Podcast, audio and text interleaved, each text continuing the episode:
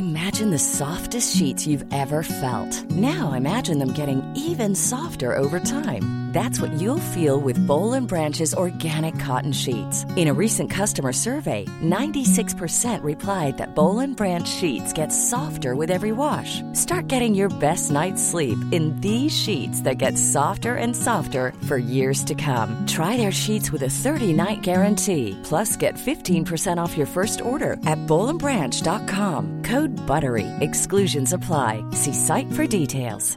Ryan Reynolds here from Mint Mobile. With the price of just about everything going up during inflation, we thought we'd bring our prices down.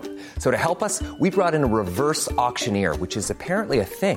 Mint Mobile unlimited premium wireless. Ready to get 30, 30, bit to get 30, bit to get 20, 20, 20, bit to get 20, 20, bit to get 15, 15, 15, 15 just 15 bucks a month. So, Give it a try at mintmobile.com slash switch. $45 upfront for three months plus taxes and fees. Promo rate for new customers for limited time. Unlimited more than 40 gigabytes per month. Slows. Full terms at mintmobile.com.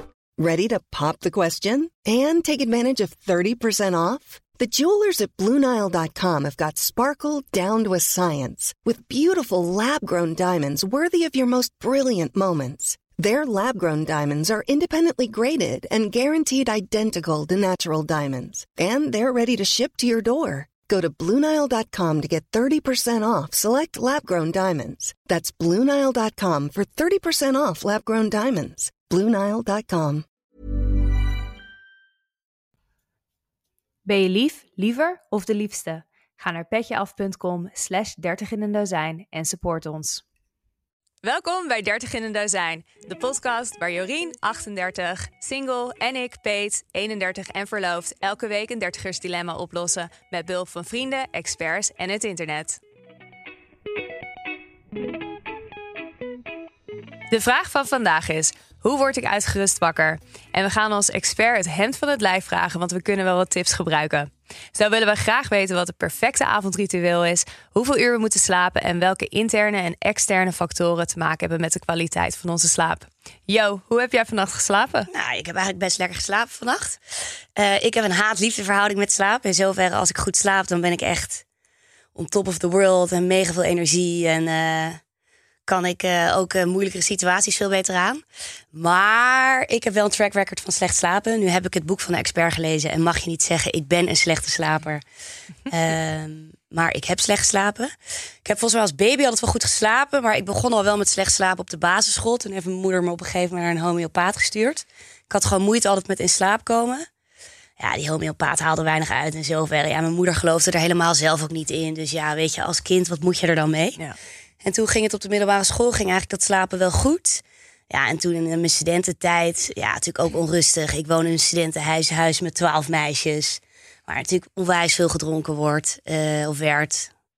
Eh, iedereen natuurlijk op onregelmatige thuis, eh, tijden midden in de nacht thuis kwam. En dan werd je ook nog wel eens wakker gemaakt midden in de nacht.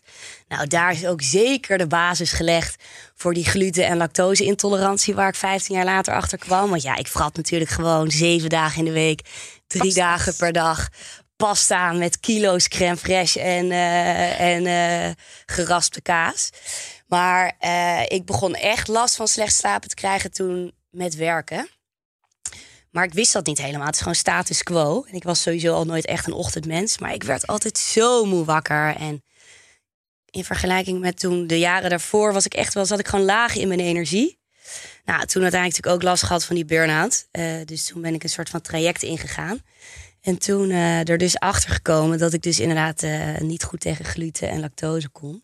Dus maar we zullen er straks wel weer wat meer op ingaan.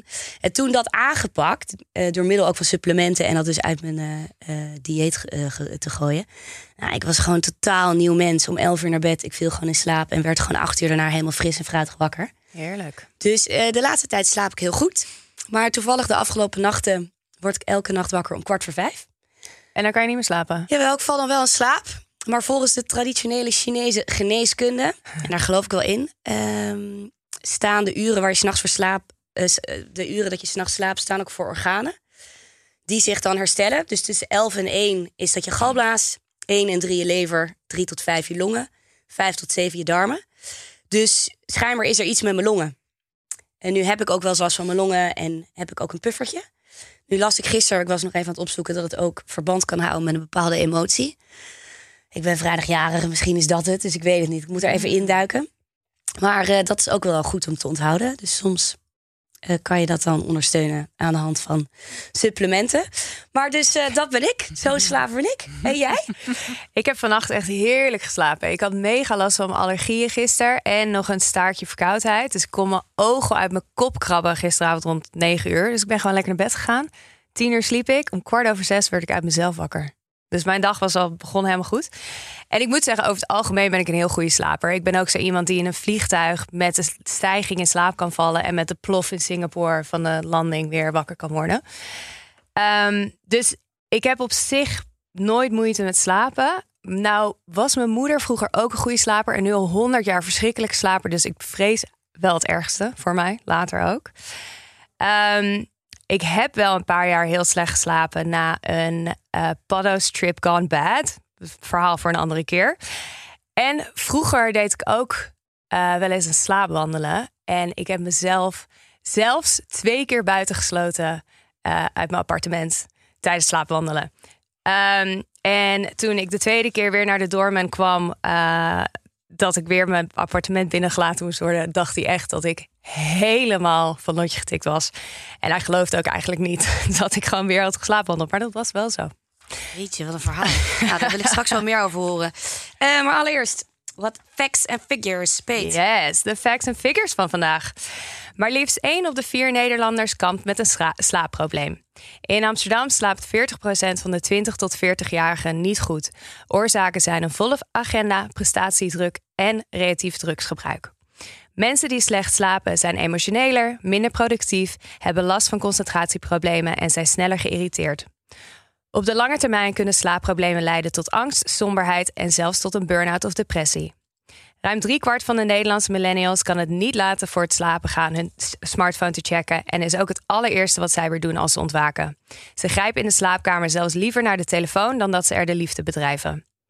Mensen denken vaak dat ze minder slaap nodig hebben dan anderen en dat ze met minder slaap goed kunnen functioneren. Volgens onderzoek ben je na slaapvermindering, zelfs na één dag, echter minder scherp en ligt je fysieke maximum tot 30% lager. Zo slaapt Roger Federer 10 tot 12 uur per dag, Usain Bolt 9,5 tot 10 uur per dag en LeBron James slaapt zelfs 12 uur per dag. Nou, mogen wel duidelijk zijn hoe belangrijk slaap is. Uh, vandaag is er ook weer een prachtige gast natuurlijk bij ons aangesloten... die ons alles kan vertellen over slapen. Uh, vandaag is Anouk Puister bij ons de gast, 43 lentes jong. Ze woont in Aalsmeer, is moeder van vier zonen, waarvan drie bonuszonen. Ze heeft communicatiewetenschap in Amsterdam gestudeerd, is in 2003 afgestudeerd... en is haar carrière begonnen bij een mediabureau. Uh, na 15 jaar in de corporate wereld te hebben gewerkt, ging ze als het resultaat van hard werken, veel ballen in de lucht houden en vooral heel veel slaaptekort bij haar het licht uit. Ze belandde in een burn-out en in 2016 was haar wake-up call en besloot ze het allemaal anders te doen. In 2018 heeft ze het roer omgegooid en haar baan als manager opgezegd om haar persoonlijke droom en missie te leven. Uh, ze is onderzoek gaan doen naar het belang van slaap en heeft het bedrijf Happy Sleeper opgericht. Van daaruit geeft ze sessies over slaap, ontspanning en zelfbewustzijn bij organisaties en op events. In 2021 heeft ze het boek uh, uitgebracht, Bewust slapen en uitgerust ontwaken, wat ik met heel veel plezier heb gelezen. Ze noemt zichzelf een happy sleeper, maar is ook moeder, auteur, spreker en teacher. Welkom Anouk. Nou, dankjewel. Welkom. Wat een intro, jongen. Ja. ja, de verhalen al meteen. Prachtig. Ja. We stellen onze gast altijd de vraag: hoe heb jij jouw dertiger jaren ervaren? Ja, heb ik natuurlijk wel even over nagedacht. Ik moest een soort van graven voor mijn gevoel. Terwijl het helemaal niet, niet zo heel lang geleden is. Hè? 43. Kan ik nog best wel, uh, best wel kort terug. Maar in het begin van mijn dertiger jaren weet ik nog dat voor mijn gevoel de wereld voor me open lag. Hè? Dus uh, ik was al wel begonnen hoor met werken. Want ik was in 2003 al begonnen. Dus dat is nog net in de twintiger jaren natuurlijk. Maar um, ja, er waren allerlei mogelijkheden. En ik zag vooral een enorme carrière ladder voor me. Die ik wel weet je, ging bewandelen. Dat, dat was mijn ideaalbeeld. Van nou, ik ga door en ik wil. Ik had bepaalde ambities. Hoe dat er precies uitzag, wist ik ook niet. En toen ik bij een mediabureau terecht kwam, uh, moest ik daar natuurlijk gewoon überhaupt gaan wennen aan het werkende leven. Laat ik het zo, zo zeggen. Maar uh, de dertiger jaren ja, heb ik de liefde van mijn leven ontmoet. Heb ik de drie bonuszonen gekregen. Heb ik ons eigen kindje gekregen. Um, ja, en had ik een hele leuke baan, zeg maar, toen. En, uh, maar tegelijkertijd was er ook de andere kant. Dus je zei net in de intro ook al, ik had last van slaaptekort. Ja, ik vond het heel moeilijk om in te slapen.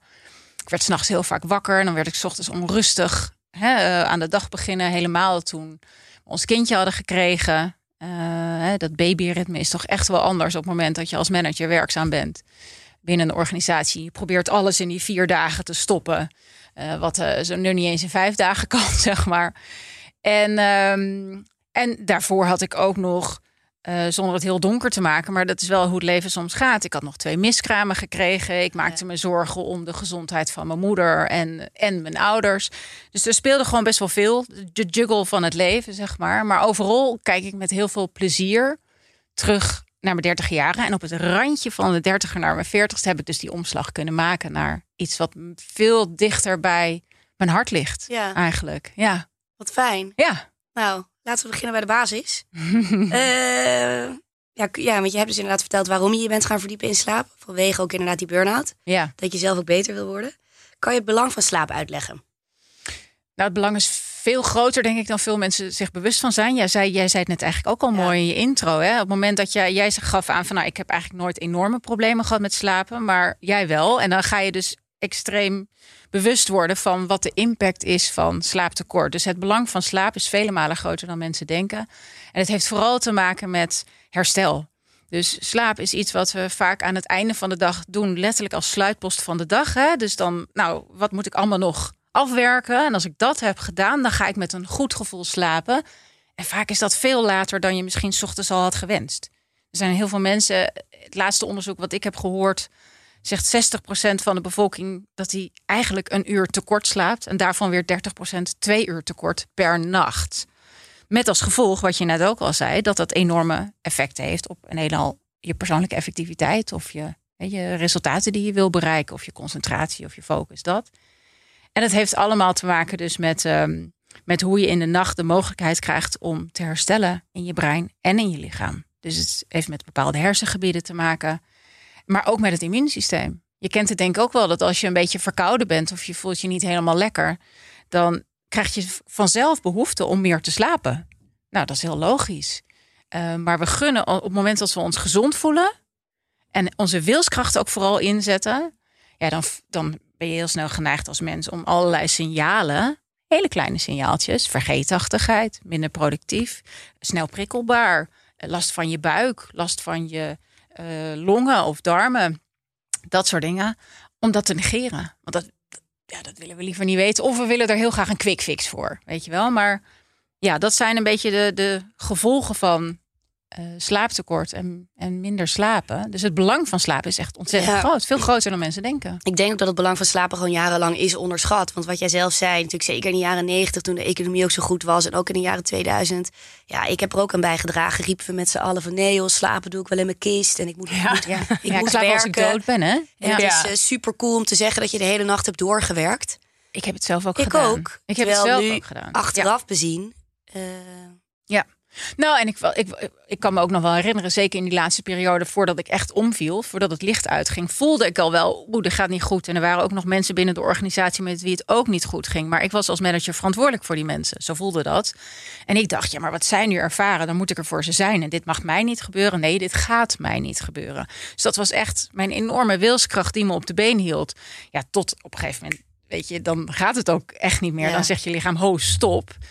En ik heb heel vaak in die ochtenden wel, kwam ik op kantoor en dan zei ik het ook wel tegen collega's hoor, van ik heb eigenlijk helemaal niet zo goed geslapen, maar het is me wel gelukt hoor, want eh, die pitch is af en die Excel met alle budgetten zijn doorgerekend, weet je. Dus ik ging aan de andere kant mezelf schouderklopjes geven van je hebt het wel goed gedaan. ja. En onderwijl eigenlijk mijn slaap werd steeds ja, wat vaker weggeduwd eigenlijk. En daarmee ook je mentale... Mentale gezondheid. ja. Maar ook fysieke gezondheid dus. Ja. Want dat was uiteindelijk de consequentie. Dat je hele lichaam totaal ontregeld raakt. En dat is wat heel veel mensen nu ook doen. Hè. Op het moment dat je dus slaap als sluitpost van de dag behandelt... dan ga je al die signalen eigenlijk op een gegeven moment missen. Want je wordt ook minder scherp.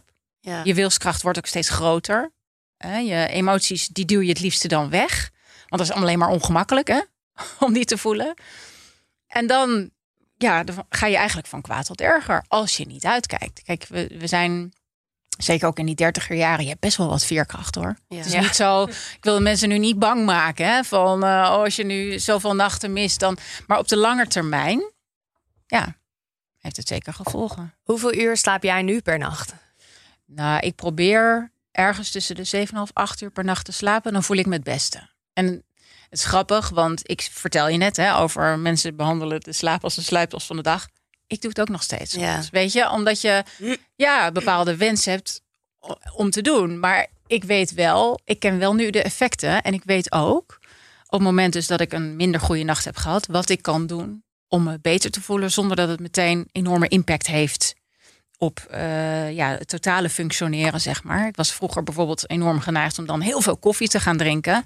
Dat doe ik niet meer. Ik ga naar buiten. Mm.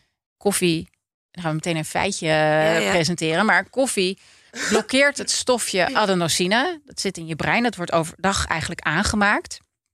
En dat zorgt voor een natuurlijke slaapdruk.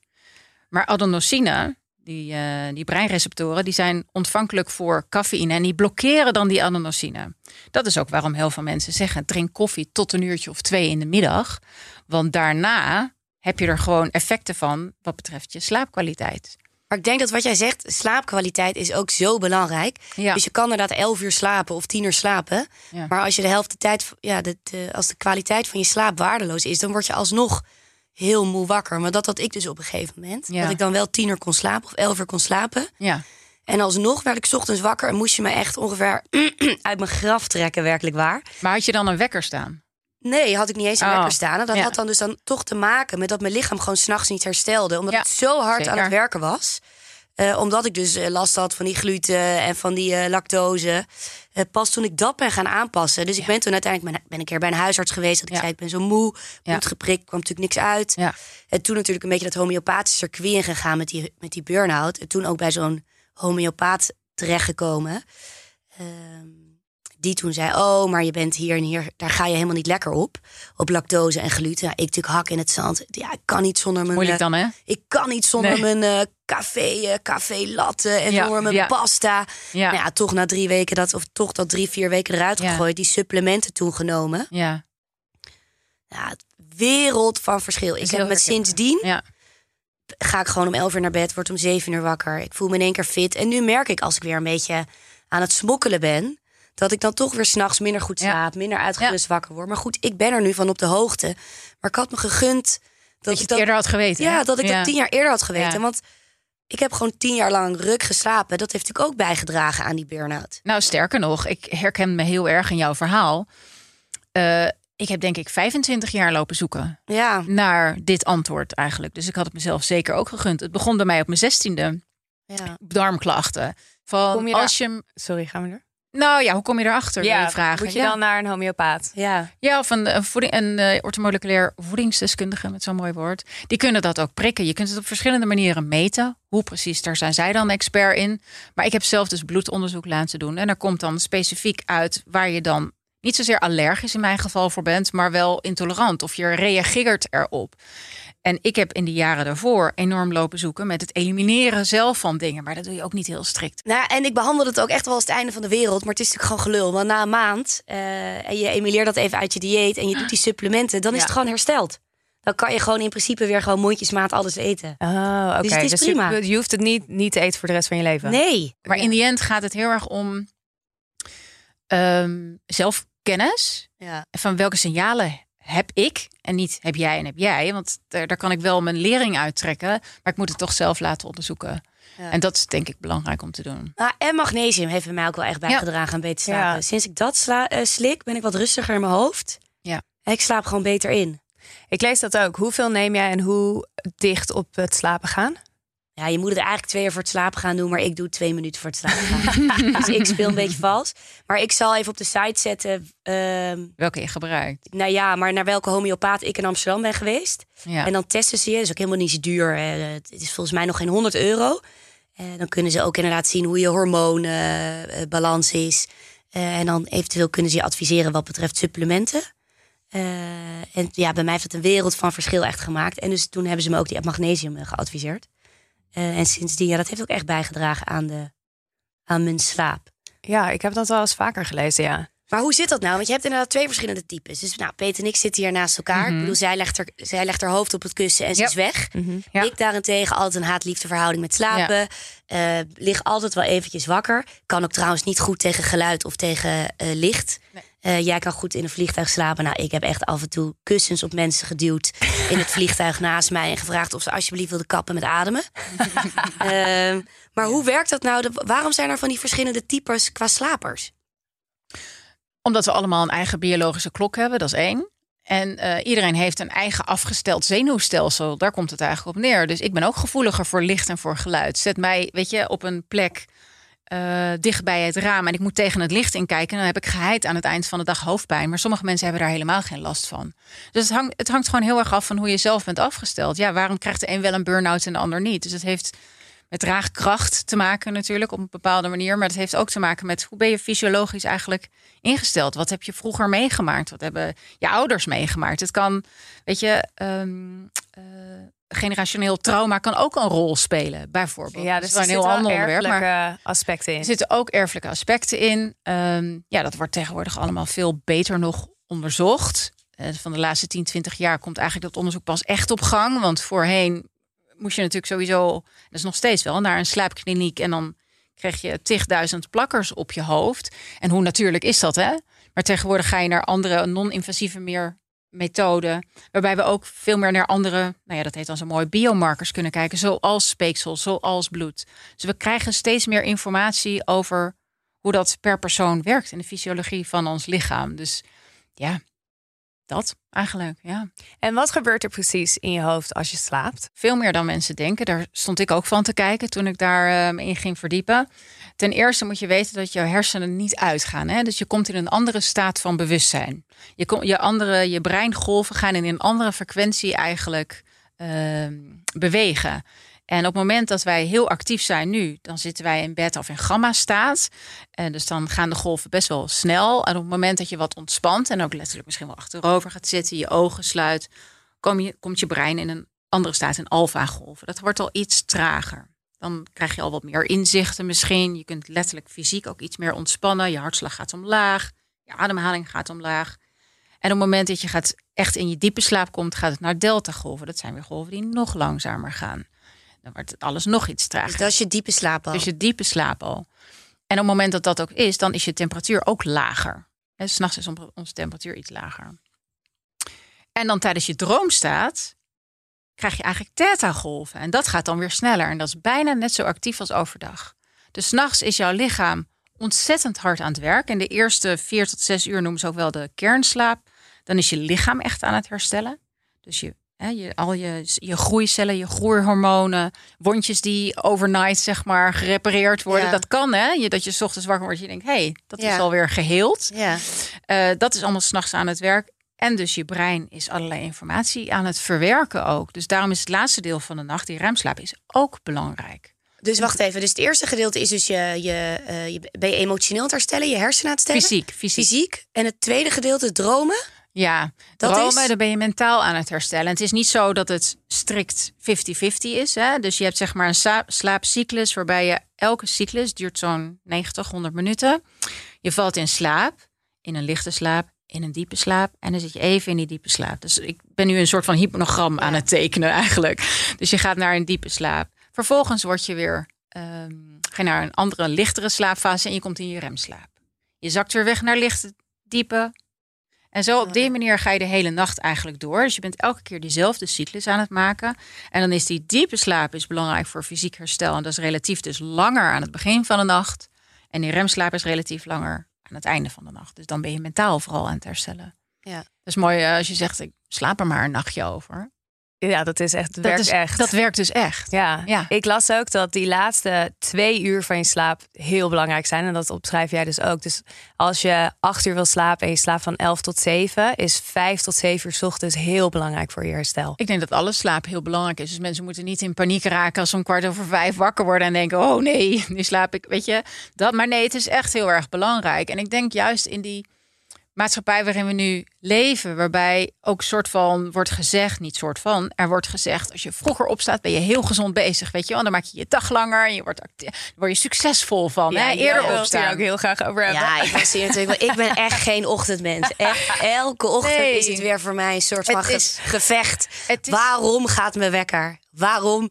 Je moet mij Ja. echt uit mijn graf trekken 's ochtends. Nee, het valt mee. Maar ik ben inderdaad geen ochtendmens. Nee. Dus ik was zo blij om te lezen in jouw boek... dat al die losers die om vijf uur 's ochtends de wekker zetten... om lekker om twee uur, weet je, van, van, van vijf tot zeven lekker... ja, wat gaan doen ze eigenlijk? Te gaan sporten en in alle rust mail weg te werken. Ja. Dat het dus helemaal niet gezond is. Hangt er vanaf hoe laat je dan weer naar bed gaat en of dat avondmensen of ochtendmensen zijn. Maar dat is, dat is wel waar je naartoe mag gaan werken, denk ik, ieder voor zich. Of je nou mijn boek hebt gelezen of niet. Maar als je nu iets mee wil nemen vanuit deze podcast ook, ga voor jezelf uitzoeken wat jij meer bent. Avondmens of ochtendmens. Ja. En avondmensen die komen s'avonds, middags, 's avonds wat meer op gang. Je voelt het gewoon aan je energie. Er is niks ingewikkelds aan. Maar hebben dus ook 's ochtends vaak meer moeite om uit bed te komen. Nou, zoals jij net zegt. Ik ben ook geen Ja, ja, avondmens. ja, ik wil net vragen. Maar je, bent ook een je kunt ook een gemiddeld mens zijn. Dus dan heb je waarschijnlijk een, een, een eh, ritme wat bij jou past. Waarbij je niet extreem 's ochtends vroeg opstaat, maar ook niet heel vroeg naar bed hoeft. Of eh, laat naar bed gaat. Nee, nee, nee, klopt. Dus Maar eh, eh, ik heb ook wel eens gehoord eh, dat alcoholisten, omdat die dus eigenlijk direct in een diepe slaap vallen en dus eigenlijk niet dromen, mhm, dat die daardoor dus ook mentale problemen krijgen op Mhm. een gegeven moment. mhm. ja. Heb Omdat, ze dus, gelezen. omdat ze dus emotioneel niks verwerken. Ja. Ja, Heftig. kijk wat het is Ja. met alcohol. Als ik alleen al kijk naar hoe mijn man slaapt als hij heeft gedronken. Ten eerste gaat hij snurken. Ja.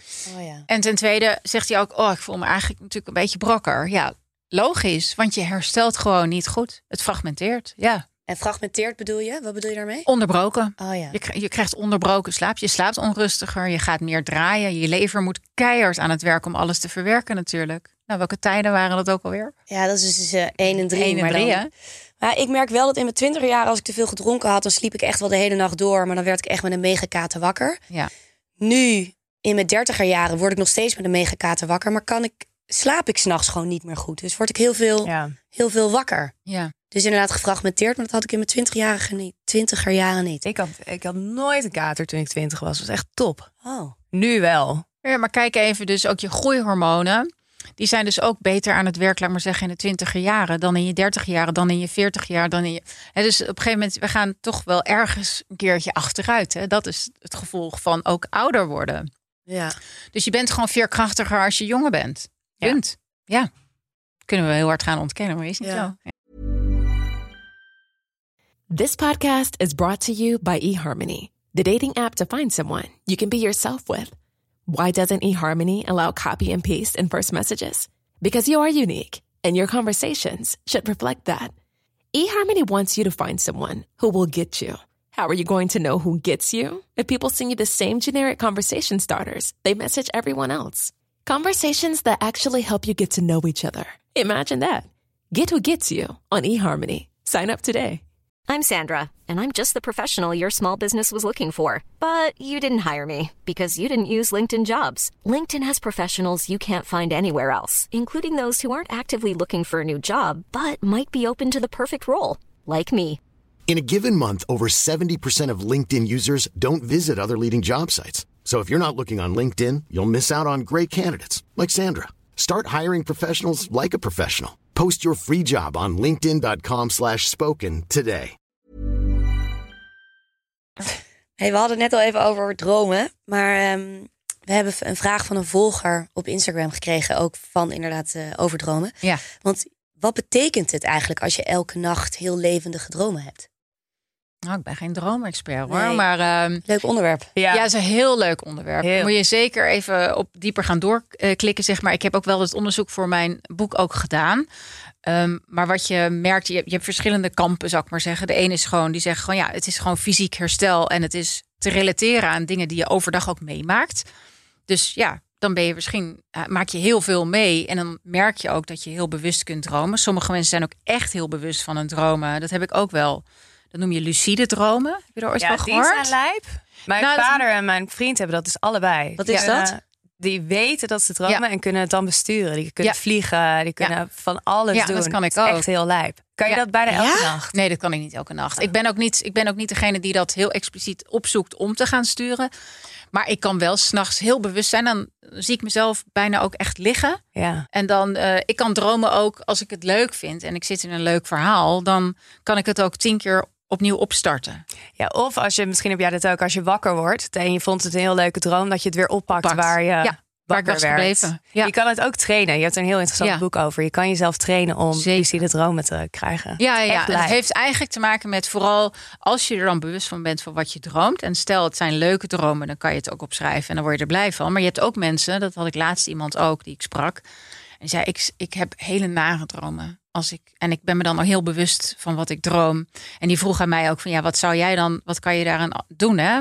Zei, nou ja, ik kan niet zoveel natuurlijk doen aan de fantasie die je hebt en hoe jouw brein creatief met die situaties omgaat. Dan wel heb je iets meegemaakt wat heel heftig is geweest. Maar je kan jezelf wel helpen door letterlijk eh, fysieke voorwerpen eh, overdag wat meer in je omgeving te gaan zetten, die jou s'nachts gaan helpen om je uit die droom te trekken. Dus dat kan letterlijk zijn een deurkruk, een touw om je Oh, uit te trekken. goed. Eh, dus je kunt jezelf met, met die voorwerpen, en dan weet je gewoon als je daar overdag maar vaak genoeg mee in contact mee bent geweest, dan kan je dat s'nachts ook weer naar voren halen, waardoor je jezelf eruit kan trekken. En dat moet je ook denken toch overdag. Dat als je die deurkruk ziet of als je iets ziet dat je denkt, hiermee kan ik weg. Want je kan het dus ook om lucide droom te trainen. Kan je bijvoorbeeld op je klok kijken, meerdere keren per dag. En denken, "Ah, ik droom nu. Ja. Dat als je dat op een gegeven moment in je droom doet, Ja. dat je dan dus wakker klikt en denkt, nu ben ik echt aan het dromen. Ja. Jeetje. Ja, het is heel interessant. Maar moet je nagaan wat er dus s'nachts ook allemaal Ja, gebeurt. Hè? Ja. Dus dat je echt in een andere... Ja, ik vind het ook prachtig. Wayne Dyer, dat was zo'n ehm, eh, eigenlijk psycholoog en nou, ik noem het maar spiritueel filosoof in de jaren zeventig bekend. Die heeft een prachtig boek geschreven, niet morgen, maar nu. Maar dan kun je op YouTube, dat is leuk voor de dertigers nu, kun je opzoeken. En dat heet The Five Minutes Before You Go to Sleep. En die zegt ook zo prachtig van, denk heel goed na over wat jij Ja. eh, voor je ziet voordat je in slaap valt. Because you're going to marinate in it for the next couple of hours. ja.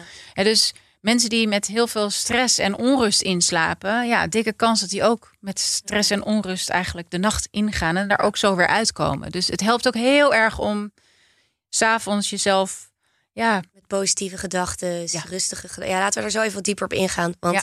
dat beschrijf je ook uitgebreid in je boek. ja, eh, hoe je inderdaad eh, kan zorgen voor een goede slaapbrust. Maar ik wil heel even terug, want het ligt toch een beetje in het verlengde van dat dromen.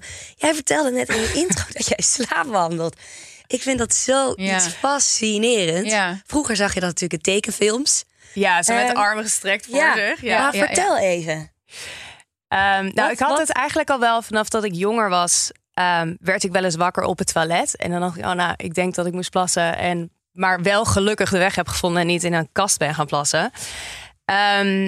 Wat vaak overigens best wel vaak bij jongens in de Ja. studententijd gebeurde. ja, ja, ik heb, heb dat soort verhalen wel eens gehoord. Maar ik heb mezelf dus twee keer buitengesloten in een appartement. Dat was hetzelfde appartement in Nieuw-Zeeland. En één keertje ben ik naakt gaan slapen. En ehm, ik woon in zo'n gebouw waarbij net als in een hotel je sleutel moet tappen om naar je verdieping te komen. Ik heb me aangekleed. Ik ben naar buiten gegaan, in de lift gaan staan. En halverwege in de lift naar beneden werd ik wakker. Zonder sleutel. En toen dacht ik, fuck, ik kom nu niet eens meer terug op mijn verdieping. Om dan een poging te doen om mijn huisgenoten wakker te maken. Toen ben ik op een bankje voor de lift gaan slapen. Dit was om vier uur s'nachts. En ik kende best wel veel studenten in dat, in dat gebouw. En iemand zag mij daar liggen. Die zei, wat de fuck ben je hier aan het doen, Peet? Toen ben ik uiteindelijk op haar bed gaan slapen. Eh, of op haar bank. Toen ben ik naar beneden gegaan. Toen heeft de doorman voor mij dus ochtends mijn appartement opengemaakt. Daar moest ik nog 15 dollar voor betalen ook. En een week later gebeurde het weer. Toen ehm, werd ik wakker in het trappengat. Toen ben ik dus door zo'n brandbeveiligde deur gelopen. Ik was nog nooit in dat trappengat geweest. Ben ik, ik woon op de 18e verdieping. Toen ben ik halverwege in slaap gevallen. En ik werd ijskoud wakker. S ochtends om 8 uur. Dus ik denk dat ik er echt flink wat uren heb geslapen. Met mijn hoofd op mijn knieën. En ik werd als een ijspegel wakker, want ik zat gewoon, ik sliep op beton. En toen liep ik naar beneden en die doorman, diezelfde gozer, die zag mij weer aankomen lopen. Die zei, je lult, dit kan gewoon niet. Hoe kan je nou zelf nou weer buitensluiten? Maar Ja. toen heeft hij me gratis naar mijn appartement gebracht. Maar je had niet gedronken, die avond daarvoor. Ik had wel wat gedronken, maar ik was zeker niet dronken. Dus ik weet ook niet waar dat vandaan kwam. En het is dus, thank God, ik afkloppen, bij die twee keer gebleven dat het zo heftig was. Maar toen werd je wakker. Raakte je in paniek? Wat, wat, wat? Nee, ik raakte niet echt in paniek. Want ik kon wel meteen plaatsen waar ik was, ook in dat trappenhuis. Maar ik wist totaal niet welke verdieping bijvoorbeeld. Dus ik weet nog dat ik door zo'n deur keek. Zo, ah, dit is de tiende verdieping. Wat de fuck doe ik hier? Echt heel bizar. En het is gewoon vervelend dat ik niet meer terug naar mijn eigen verdieping kon. Dat je dus echt vast zit daar beneden in, bij de receptie. En de tweede keer wist mijn huisgenoot, toen ik ochtends niet wakker werd en mijn alarm bleef de maar afgaan, mijn wekker, toen wist zij meteen hoe laat het was. En toen is zij dus het hele gebouw gaan doorzoeken om mij te vinden. Terwijl ik toen ondertussen met de lift naar boven ging met die doorman. Dus zij was ook nog eens heel erg ongerust geworden. Nee joh. Ja. Wat is slaapwandelen eigenlijk? Heb je daar een verklaring voor? Nee. Nee? Nee, top. dan hoeven we daar... Ik ook, nee. Oké. Nou, dan weten we dat.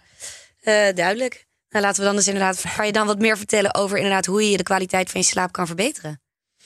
Uh, ja, nou, we hebben best wel wat al aangestipt. Hè. Ik denk dat een van de dingen die je in ieder geval als mensen behoefte hebben en, en ook ervaren dat ze dus niet zo heel erg lekker slapen, dat ze naar voeding kunnen gaan kijken. Hè. Dus Ja. hoe ga je om met. eh, Ja, ik wat, wat is je zweer erbij, eetpatroon? dat zou echt mijn tip zijn. Ja, ik wist het niet zo goed. Ik was me hier niet van bewust. Nee, dat is, dat is één van de dingen. Eh ander ding is licht. Ehm, wat we gewend zijn om te doen, is natuurlijk gebruik maken van kunstlicht. En dat kunnen we ook allemaal tot in, nou ja, 24-7. Punt. Eh, en een aantal mensen doen dat ook. Wat wij thuis ook zijn gaan doen, s'avonds, is rond 9 uur s'avonds de lichten dimmen. Dat kan niet altijd in de zomer, hè, want dan hebben we iets langer licht. Maar je kunt wel gordijnen dicht doen. Bijvoorbeeld als jij gewend bent om, weet ik het, om tien uur, half elf naar bed te gaan. Dan kan je je slaapkamer ook heel donker maken. En in de ochtend gebruik maken van ochtendlicht, dus door naar buiten te gaan. Dat wordt totaal onderschat ook. De kracht van licht is echt gigantisch. We kennen het denk ik wel. De meeste mensen zullen het kennen als de waarschuwing van doe s'avonds niet je mobiele telefoon met het blauwe licht. Zet hem op nachtmodus. Nou, dat weet iedereen zo onderhand wel. Maar los daarvan, als je dan vervolgens gaat zitten scrollen, en dan krijg je natuurlijk ook eh, honderd emoties tegelijkertijd. Hè? Wat gebeurt er dan in je brein? Dus dat is, een andere, dat is een andere discussie. Maar maak gebruik van licht. Het is zo belangrijk voor de aanmaak van melatonine.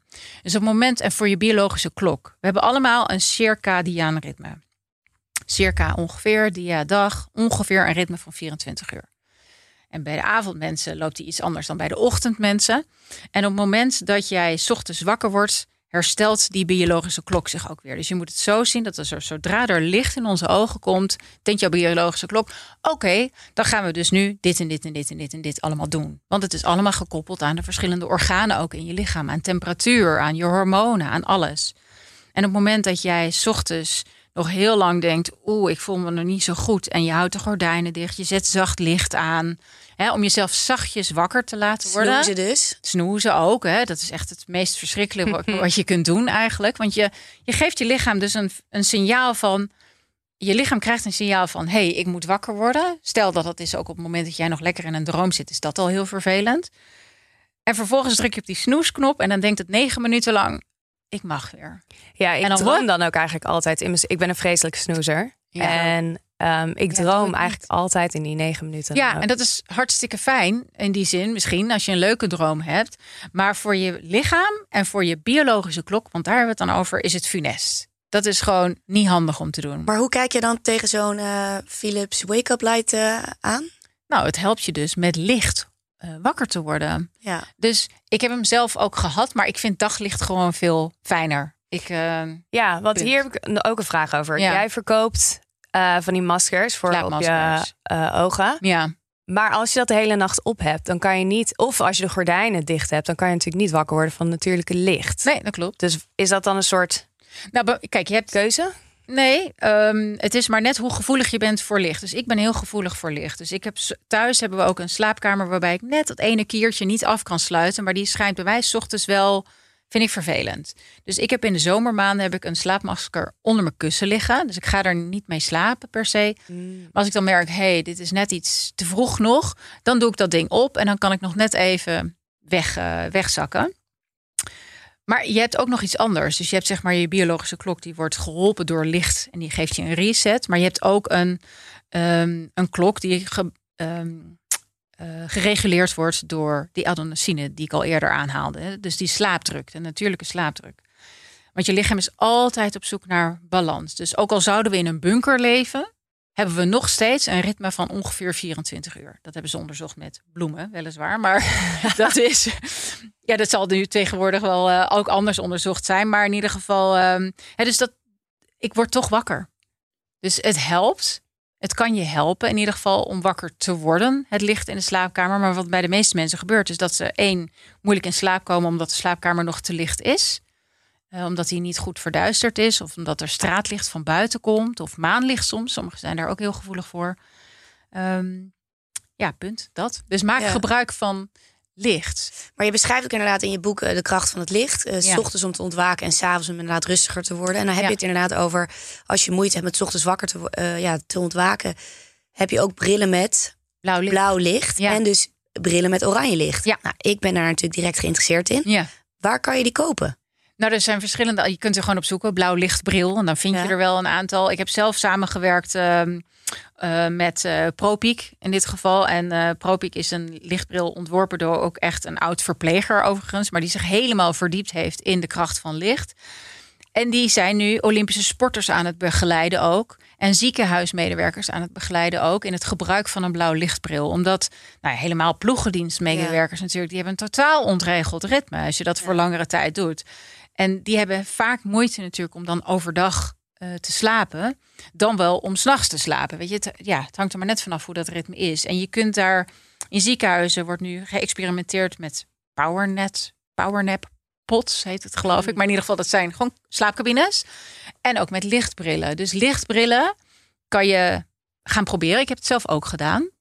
En uh, grappig genoeg, toen ik dat in het begin gebruikte, dacht ik ook, Jezus, wat gebeurt hier? Het lijkt wel het soortzelfde effect van koffie te hebben. Oh ja? Maar ik ben best wel gevoelig. Dus ja, je zou het, je zou het gewoon kunnen testen. Ja, voor consumenten is het echt beschikbaar. En s'avonds zou je dat dan in die zin ook kunnen gebruiken. Die oranje glazen dan om blauw licht uit te filteren. Maar ik denk dan, voor sporters begrijp ik het. Voor ploegendienstmedewerkers begrijp ik het. Want dat zijn specifieke beroepen en situaties waar je dat nodig hebt. Voor mensen dementie wordt het ook ingezet. Want die zijn gevoeliger weer uh, voor licht. En het heeft dan effect op je mentale gesteldheid. Maar voor jou en mij uh, zou ik eerder zeggen. Kijk gewoon eens naar je dagelijkse ritme. Ja. Kijk eens of je gebruik kunt maken van het natuurlijke licht. In de ochtend en in de avond dim je licht. Dus dat zijn dingen om je slaapkwaliteit te verbeteren. Ja. Koffie is gewoon een hele belangrijke. Dat... Ja, dus na twee uur geen koffie, na alcohol. Alcohol hebben we het over. Moeilijk gehad. onderwerp. Water uh, is een belangrijke. Als ik ook naar mezelf kijk hoeveel moeite ik soms heb om gewoon twee liter water of anderhalf, twee liter water te drinken. Maar dehydratatie, dus uitdroging, niet heel in erge mate natuurlijk, maar is wel een van de grootste veroorzakers van gewoon puur vermoeidheid. En wat zijn mensen gewend om te doen als ze moe zijn en slecht hebben geslapen? Wat ga je dan doen? Vaak. Koffie, koffie, koffie en of en dat is natuurlijk ook een vochtonttrekker. Ja, maar je gaat ook eten. Oh. Je gaat suikerstotje ja. nemen. Je krijgt die after lunch dip waarbij mensen denken om vier uur ook... Jezus, ik red het niet meer. Doe mij maar ja. nou, X, Y, Z ja. uit je eigen keukenkastje dan wel uit een automaat. Ja. Dus uh, begin dan in ieder geval met water. Dus dat is een hele belangrijke. Kijk, ja. ik weet dat iedereen inderdaad zegt... Uh, niet meer op je telefoon kijken voor het ja. slapen gaan. Ook geen televisie eigenlijk meer kijken. Want er komt natuurlijk blauw licht uit. Ja. Maar daarom ben ik zo geïnteresseerd in die oranje bril. Ja. Ja. Dan zet je die gewoon op tijdens het uh, tv kijken. Ja, ja het verkleurt nou ja, wel ook een heleboel. Het is eigenlijk... Ja, het blauw licht wel ergens relaxed. Dat ik ook denk, nou, hoef niet meer te kijken. Ja. Ja. Het verkleurt alles op je telefoon. Ja, ja, het verkleurt echt alles. En nou ja, het punt is meer wat ik wil maken is ook, en dat is het tweede deel in het boek, dat gaat over vertragen. En we verwachten zoveel van onszelf, hè? 24-7. We verwachten gewoon dat we maar continu door kunnen gaan. Maar op het moment dat jij um, jezelf gunt, want daar gaat het eigenlijk over, om even een beetje afstand te nemen, om even die telefoon een hele dag weg te leggen, om even iets gezondere keuzes te gaan maken. Ja, hele kleine keuzes over het algemeen. Die gaan op de lange termijn bijdragen aan ook slaapkwaliteit. Maar gun het jezelf. Gun jezelf om ook een beetje te vertragen. Dat betekent niet voor mij dat je helemaal niks meer mag doen en zo in je stoel moet gaan zitten. Maar iets bewuster ademhalen. Iets bewuster eten. Iets bewuster koffie zetten. Iets, gewoon iets bewuster. Ja. Ja. Nee, het is ook wel herkenbaar. Want als ik ochtends wakker word, jij zal het ook doen, grijp je toch naar die telefoon. Ja. ja. Maar eigenlijk, ja, wat ik al zei, ik moet altijd nog even wakker worden s ochtends. Ik moet even ontbijten, een kopje koffie drinken. En als je dan op je telefoon kijkt en je hebt ook weet niet hoeveel appjes binnen en je geeft Instagram nog even een slinger. En stel er staat een keer een slecht nieuwsbericht tussen van hé hey, je moet dit doen of hey shit dit is niet live gegaan. Ja, je wordt dan heel arilex wakker mhm, en eigenlijk begin je je dag zo slecht. Ja, kijk en de kwaliteit van de nacht uh, dat is, volgens mij heb ik dat ook zo expliciet gezegd in het boek. De kwaliteit van de nacht begint op het moment dat je opstaat. Ja. Dus hoe begin jij je dag? Ja.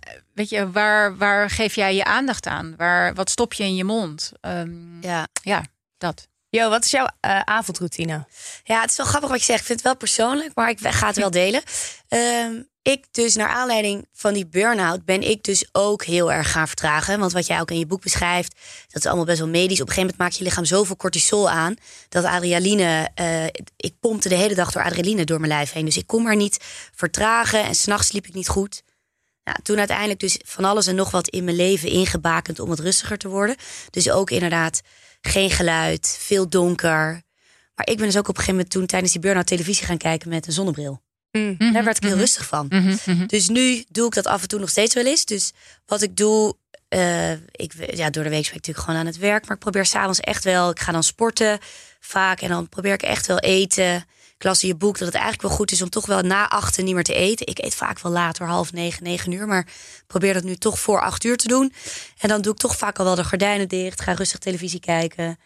Uh, zodat ik zelf ook wat rustiger word. En het wordt wat donkerder. Soms zet ik dus dan toch nog even een zonnebril op. En dan word ik wat, ja, wat moe.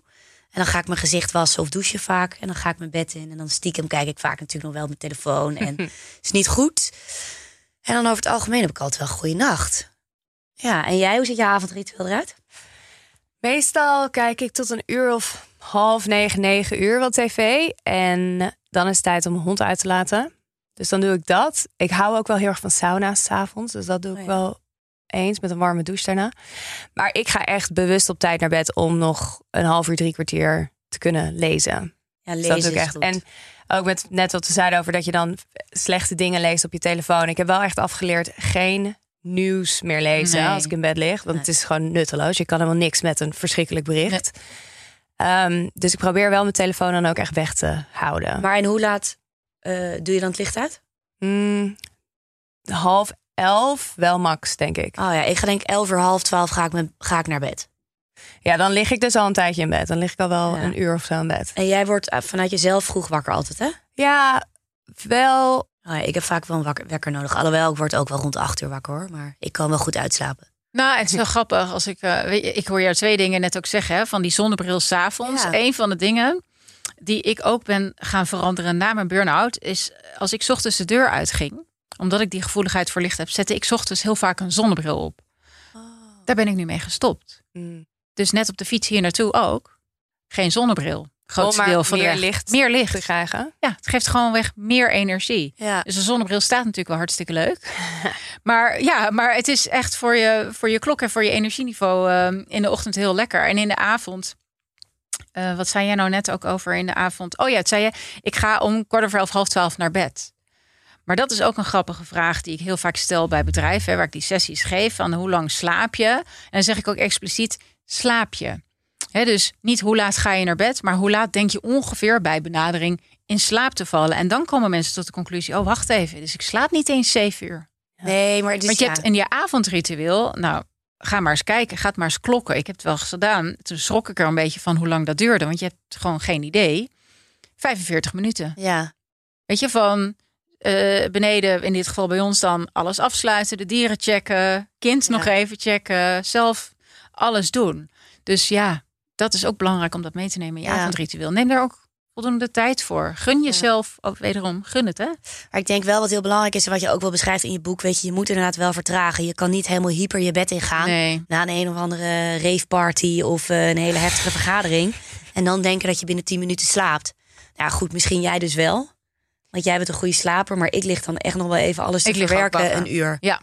Ja, al moet ik wel zeggen, nu ik over nadenk. Ik werk heel vaak Amerikaanse tijden. Dus dan ben ik om negen uur klaar met calls. En dan ga ik bijna direct naar bed. Maar dan slaap ik wel een stuk minder goed, ja. Oh, ja. Dus dat heb ik wel.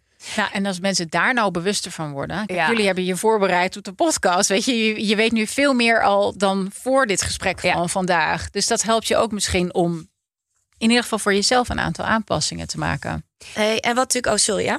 Jij bent een mega fan van middagdutjes. Ja. Dat Ja. is iets dat jij promoot. En er zijn ook meerdere onderzoeken gedaan naar stammen ehm, die de laatste eeuwen nauwelijks zijn veranderd en eilanden waar hoge leeftijden worden bereikt. Ja. Zij slapen acht uur per nacht. En dan ook nog eens 30 tot 60 minuten overdag. En zij hebben vier keer meer kans om de leeftijd van 90 te halen dan bijvoorbeeld Amerikaanse mannen.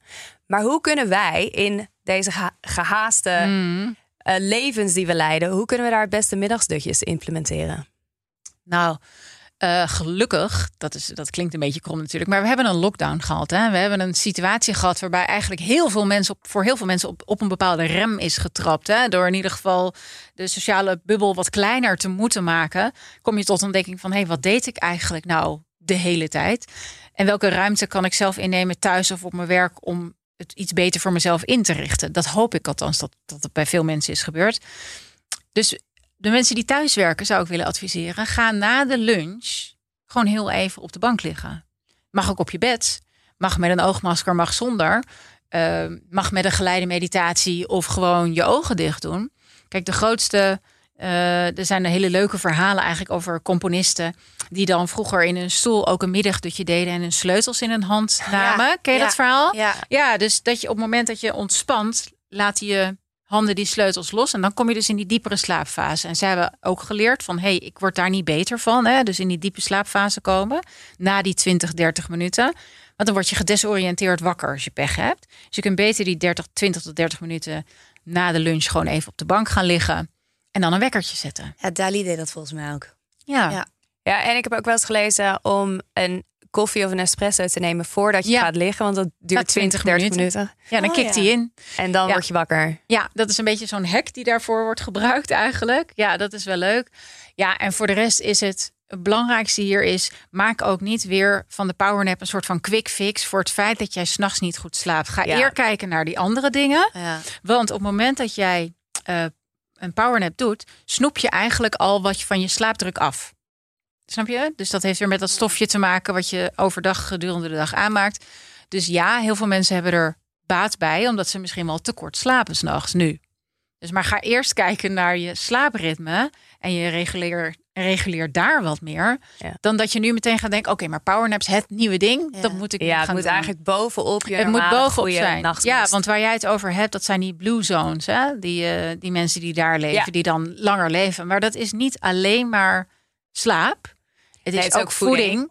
En het is ook vertragen. Ja. Het is ook van betekenis zijn in een sociale omgeving wonen waar je elkaar helpt. Ja. eh, en elkaar ziet. En elkaar echt aandacht geeft. Dat is een heel belangrijk component. Slaap is daar wel degelijk een onderdeel van. Want het zit dus niet voor niets in die vierpoot van die leefstijlaanbevelingen. Maar ja, Kan je, eh, kan je slaap inhalen? Nee, schijnt van niet. Nee, maar bijvoorbeeld nee. Ik kan me voorstellen Nee, je brein, die gewoon... heeft, nee, je brein heeft die capaciteit niet. Zo wordt het eigenlijk door onderzoekers aangemeten. Dus ehm, dat zegt Matthew Walker zo mooi. Die heeft ook een prachtig boek Ja, eh, geschreven. Heb je hem gelezen? Ja. Ja, Why We Sleep. Het is vrij wetenschappelijk. En niet alles wat hij zegt, daar wordt, daar wordt nu weer meer onderzoek naar gedaan. En zo werkt het natuurlijk met onderzoek. Het een gaat door op het ander. Ik wil niet zeggen dat alles pertinent waar is ook. Ehm, eh, maar hij zegt het ook zo mooi. There is no credit bank for sleep. Ja. En dat is wat het is. Dus waar we mee begonnen volgens mij ook is 60% van de mensen slaapt minstens een uur tekort. 30% daarvan weer twee uur tekort. Ja. Dus kijk vooral, ja, wat heb je nodig? Er is ook een heel simpel sommetje wat je kan maken voor jezelf. Hè? Hoeveel slaap heb ik nodig? Hè, per nacht eigenlijk. Waar voel ik me goed bij? Dat weet je inmiddels als dertiger wel, denk ik. en ehm, wat slaap ik werkelijk? Nou, als dat dus al, stel, acht uur is en zeven uur, is het al één uur slaaptekort per nacht. Keer vijf is al vijf uur slaaptekort per week. ja, wat heel veel effect heeft. Wat heel veel effect heeft, met als gevolg dat er mensen zijn die dus, eh, en dat deed ik ook, gaan uitslapen eh, in het weekend. Onder het mom van, ik heb dat echt nodig, weet je wel. Maar dat kan dat je dat nodig hebt, omdat je dat dus, sorry, omdat je dat dus in die vijf dagen ervoor hebt opgebouwd. Dus kijk ook in het weekend of je dan misschien nog steeds rondom dezelfde tijd kunt opstaan. Ga dan wel iets eerder naar bed. Uh, want op het moment dat je je, uh, je biologische klok dan ontregelt in dat weekend, dan creëer je voor jezelf, dat heet dan zo mooi een social jetlag. ja, uh, in het klein eigenlijk, met als gevolg dat heel veel mensen op maandagochtend denken: Oh jemig, ik moet de werkweek nog beginnen, maar ik ben zo gaar. Ja. En die vinden het ook moeilijk om in slaap te vallen op zondagavond. Maar dat is dus niet zo heel erg raar. Want je hebt jezelf ontregeld. Ja. ja. Um, je had het net over Matthew Walker. Zijn boek in Nederlands heet Slaap. En Ja. net als beetje, als mensen meer willen lezen over slapen, jouw boek en van Matthew Walker moeten ze zeker lezen. Ja, zeker. En hij zegt een paar manieren, en jij benoemt er nog wat meer over hoe je weet dat je niet genoeg slaapt. Ja. En eentje is daarvan dat als je geen wekker zou zetten, word je dan nog uit jezelf wakker. Ja. Ehm, moet je vaak dingen herlezen en kan je optimaal functioneren zonder koffie tot het middagsuur. Juist. En ik denk dat mensen, de luisteraars, moeten zichzelf even afvragen wat hun antwoorden zijn erop. Ja. En dan weet je of je Ja. genoeg slaapt of niet. Ja, precies. Ja. Nou, en ik denk ook wel dat het erin sluipt. Eh, dat je helemaal niet bewust bent van het feit dat je of dat je, dat je slaapkwaliteit slecht is, of dat je telkens inderdaad een half uurtje ervan afsnoept eh, van dat slapen. Ja. Eh, Zeker. Zeker. Maar ja, daarom is dat. Nou, toen ik er in 2016 zelf thuis zat en ik me vanaf, hè, eh, vanuit mijn eigen interesse en mijn eigen behoeften in ging verdiepen, kwam ik er dus al achter van: hé, hey, wacht even, dit wordt wel de next big thing. Dat was voor mij toen al vrij duidelijk, omdat ik dacht: ja, maar wat ik nu lees, daar kan ik zo weinig over vinden eigenlijk. Maar het is wel ontzettend belangrijk. En alles wat er nu te vinden is, is ontzettend moeilijk door te spitten. Je moet van een weet je, je moet echt moeite doen om te begrijpen wat er staat. Daar kwam het eigenlijk op neer. Ja. En er was geen enkele plek online waar die informatie, zeg maar, eh, gebundeld verkrijgbaar was in lekentaal. En dat is, daar komt mijn eigen behoefte ook vandaan om dat op deze manier ook op te schrijven. Maar Matthew heeft dat ook, eh, heeft dat ook goed gedaan hoor. Dus dat, daar, dat was ook een van mijn startpunten eigenlijk. En ja. daar begint het, die Ja. bewustwording. Nou, ik hoop dat we daar eventueel met de podcast ook aan kunnen bijdragen. Dat iedereen gewoon even, heel even kritisch kijkt naar zijn eigen Ja. slaaproutine. Weet je, hoe word ik elke ochtend wakker? Is de kwaliteit van mijn slaap wel goed? Ja. Kan ik misschien wat veranderen? Ja. Ehm, jij, jij had het net over slaapmaskers. Ik slaap dus ook met een slaapmasker. Mm. Maar dat werkt een beetje verslavend. Ja. Ik heb ook, ja, wat nu, het is volgens, ja, nu kan ik niet meer zo goed zonder. Nee, als wij reizen zonder mijn partner gebruikt er dus ook een. Als we hem vergeten, dan is hij echt niet blij ook. Nee, want dan slaap je gewoon met een sok op je ogen. Ja. Om maar iets gewoon. Dat heb ik ook wel eens gedaan. Een sjaal Om gewoon iets, omdat je dat dan gewoon gewend bent. Maar ik heb ook heel lang met oordop geslapen. Ja. Eh, vond ik heel lekker, ook verslavend. Maar op een gegeven moment kreeg ik een beetje ontstoken oren, want mijn oren hadden er geen zin meer in. Mm. Hoe sta jij daar tegenover? Tegen inderdaad elke nacht met een slaapmasker slapen en elke nacht met oordop slapen. Ben je voor of tegen? op het moment dat jij er baat bij hebt en geen ontstoken oren krijgt. Ja. Het zijn namelijk eh, kleine dingetjes die je altijd mee, mee kunt hebben. Ehm, het is wel zo dat heel veel eh, onderzoekers ook wel zeggen: zorg dat je zoveel mogelijk natuurlijke situaties voor jezelf creëert. Dat wanneer je die niet hebt, dat je niet opeens een soort van wakker moet blijven, omdat je denkt: ik heb mijn oordoppen niet en ik heb mijn slaapmasker niet. Maar go for it, doe het. Ja, ik heb er ook baat bij. We hadden ook nog één andere leuke vraag van eh, een volger op Instagram. Ja. Hoe, wat vind jij over slaaptrackers? En dat je, Mm. ik draag ook een Fitbit. Mhm. En zijn die nou echt betrouwbaar? Moet je daarvan op uit van op aankunnen? Mm. Ehm, ja, die vraag die wordt mij eigenlijk altijd gesteld. En ik vind het zelf ook interessant. Ik, ik ben ook vrij analytisch ingesteld en meten is weten. Tegelijkertijd zijn de langetermijn effecten van eigenlijk dit soort signalen op je lichaam, weet ik ook niet zo goed. Ik, mijn intuïtie zegt eigenlijk niet doen. Eh, mijn analytische mind zegt interessant. Mhm. het, het hangt er maar net vanaf wat het effect is van het meten voor jouzelf. Dus ja, ik vind het leuk persoonlijk om het eens een keer te zien. Ga voor een week je slaap tracken en krijg gewoon een inzicht. Maar waar het vooral om gaat, dat zijn data. Maar waar het vooral om gaat, is hoe je je voelt. Dus als de slaaptracker dat ook meet en je daar je aantekeningen over kunt invullen, maar kijk dan ook naar eh, hoeveel koffie heb je gedronken? Heb je gesport? Eh, hoe zit je met het stressniveau?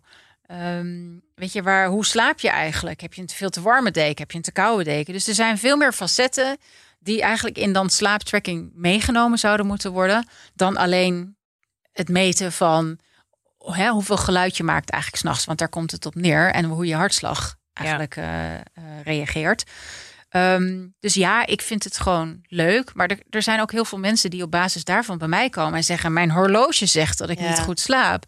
En dan denk ik, dan gaat er volgens mij iets mis. Ja. Um, dan begin ik ook altijd met die mensen te zeggen: hier heb je een A4'tje met een paar belangrijkste vragen eigenlijk. Dat heet gewoon een slaapdagboek. En ga voor jezelf nou eens, ga bij jezelf na hoe het voelt. En ga bij jezelf na welke acties je onderneemt gedurende de dag om beter te slapen. En op het moment dat daar wat inzichten uitkomen, want je ziet heel snel bij mensen: oh, die gaat eigenlijk veel te laat sporten. Oh, die eet s'avonds nog wat. Oh, die heeft, uh, oh, die heeft wijn gedronken. Ja, dat is niet zo raar dat je dan een hele slechte nacht hebt gehad. Dus daar gaat het meer om. En data is leuk, maar het gaat er vervolgens om, wat doe je ermee? Ja, ja. zeker. Jij uh, schrijft heel leuk aan het einde van jouw intro in je boek. Iedere dag is een nieuwe dag. Iedere, iedere nacht is een nieuwe nacht. Je kunt altijd opnieuw beginnen. Mm -hmm. Dus wat is de takeaway? Hoe kunnen onze luisteraars vanavond al beginnen met een betere nachtrust krijgen?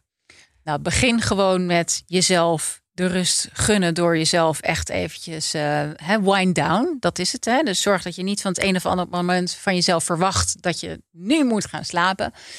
Uh, maar begin gewoon met inzicht, jezelf inzicht geven in je gewoontes gedurende de dag. En het is niet een quick fix voor vanavond dat ze morgen dan ineens beter wakker worden. Maar dat is nou de hele essentie, zeg maar, van volgens mij ook het hele gesprek hier is. Zorg voor inzicht in je eigen gewoontes. Daar begint het mee. En uh, op het moment dat je dan dat inzicht krijgt, ja, dan kan je die, die hacks, zoals ze graag micro-hacks, weet je, toe gaan passen. Ja. Dan kun je gaan kijken naar je koffie. Maar als je morgenochtend met meer energie wil wakker worden, even ongeacht hoe je de nacht ingaat, uh, begin dan met daglicht. Ga naar buiten. Ga naar buiten. Maak een wandelingetje. Zet je lichaam letterlijk even in beweging. Je hoeft van mij niet meteen te gaan hardlopen of zo. Maar doe wel de gordijnen open. Stap je balkon op. Zet je raam open. Hang je neus uit het ja. raam. Zorg voor daglicht. En kijk eens hoe je lichaam reageert op stoppen met koffie drinken. Ja, ja ik heb het al eens geprobeerd. Je slaapt wel beter hoor. Als je een paar weken geen koffie drinkt. Ja, ik ja. geloof het onmiddellijk. Dus eigenlijk gewoon licht is super belangrijk. Ja. S'avonds om gewoon de, de, de kamer wat meer te schemeren. S ochtends juist meer daglicht ja. op je, uh, ja, in je op te nemen. Ja. Na twee uur geen koffie, veel water drinken. Ja. En kijk... Check je slaapkwaliteit. En als het niet goed is, ja, echt mijn tip. Check je, je, je voeding, voeding en je dieet. En magnesium, ik zweer erbij. Heerlijk. Ja, ja, werkt heel goed. En regelmaat. Ja, rust, reinheid en regelmaat, hè? Ja, ja. de drie R'en. Ja. Zoals altijd. Ja. Hey uh, Anouk, dankjewel. Nou, heel graag gedaan. Uh, voor iedereen uh, die geluisterd heeft, lees het boek. Bewust slapen en uitgerust ontwaken. Ik heb het echt met heel veel plezier gelezen. Ja. Ik ben er doorheen gecheckt. Ja. En happysleeper.nl Happysleeper.nl, yes. Kunnen we je vinden. Voor ook trainingen, sessies. Voor trainingen, sessies bij bedrijven. Ik heb tegenwoordig ook speed dates to sleep. En dat doe ik voor bedrijven om eigenlijk één op één aandacht te geven ook aan mensen. Zodat je ook persoonlijke vragen kunt stellen. Want dat vinden mensen nog best wel lastig. Ja. Ja. Super. Hey, Hartelijk dank, dank. Nou, heel graag gedaan. Dank voor de uitnodiging. Slaapt iedereen heerlijk vanavond. Ik hoop het ook. ja. dank je. Dankjewel voor het luisteren naar 30 in een dozijn. Heb je vragen? E-mail ons naar vragen@dertiginendozijn.nl en volg ons op Instagram @dertiginendozijn. Doedels. Ever catch yourself eating the same flavorless dinner three days in a row? Dreaming of something better? Well, HelloFresh is your guilt-free dream come true, baby. It's me, Kiki Palmer. Let's wake up those taste buds with hot, juicy pecan-crusted chicken or garlic butter shrimp scampi. Mm.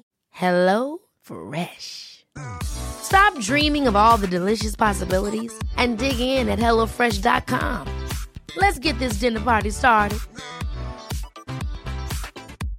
Imagine the softest sheets you've ever felt. Now imagine them getting even softer over time. That's what you'll feel with Bowl and Branch's organic cotton sheets. In a recent customer survey, 96% replied that Bowl and Branch sheets get softer with every wash. Start getting your best night's sleep in these sheets that get softer and softer for years to come. Try their sheets with a 30-night guarantee. Plus, get 15% off your first order at bowlandbranch.com. Code BUTTERY. Exclusions apply. See site for details.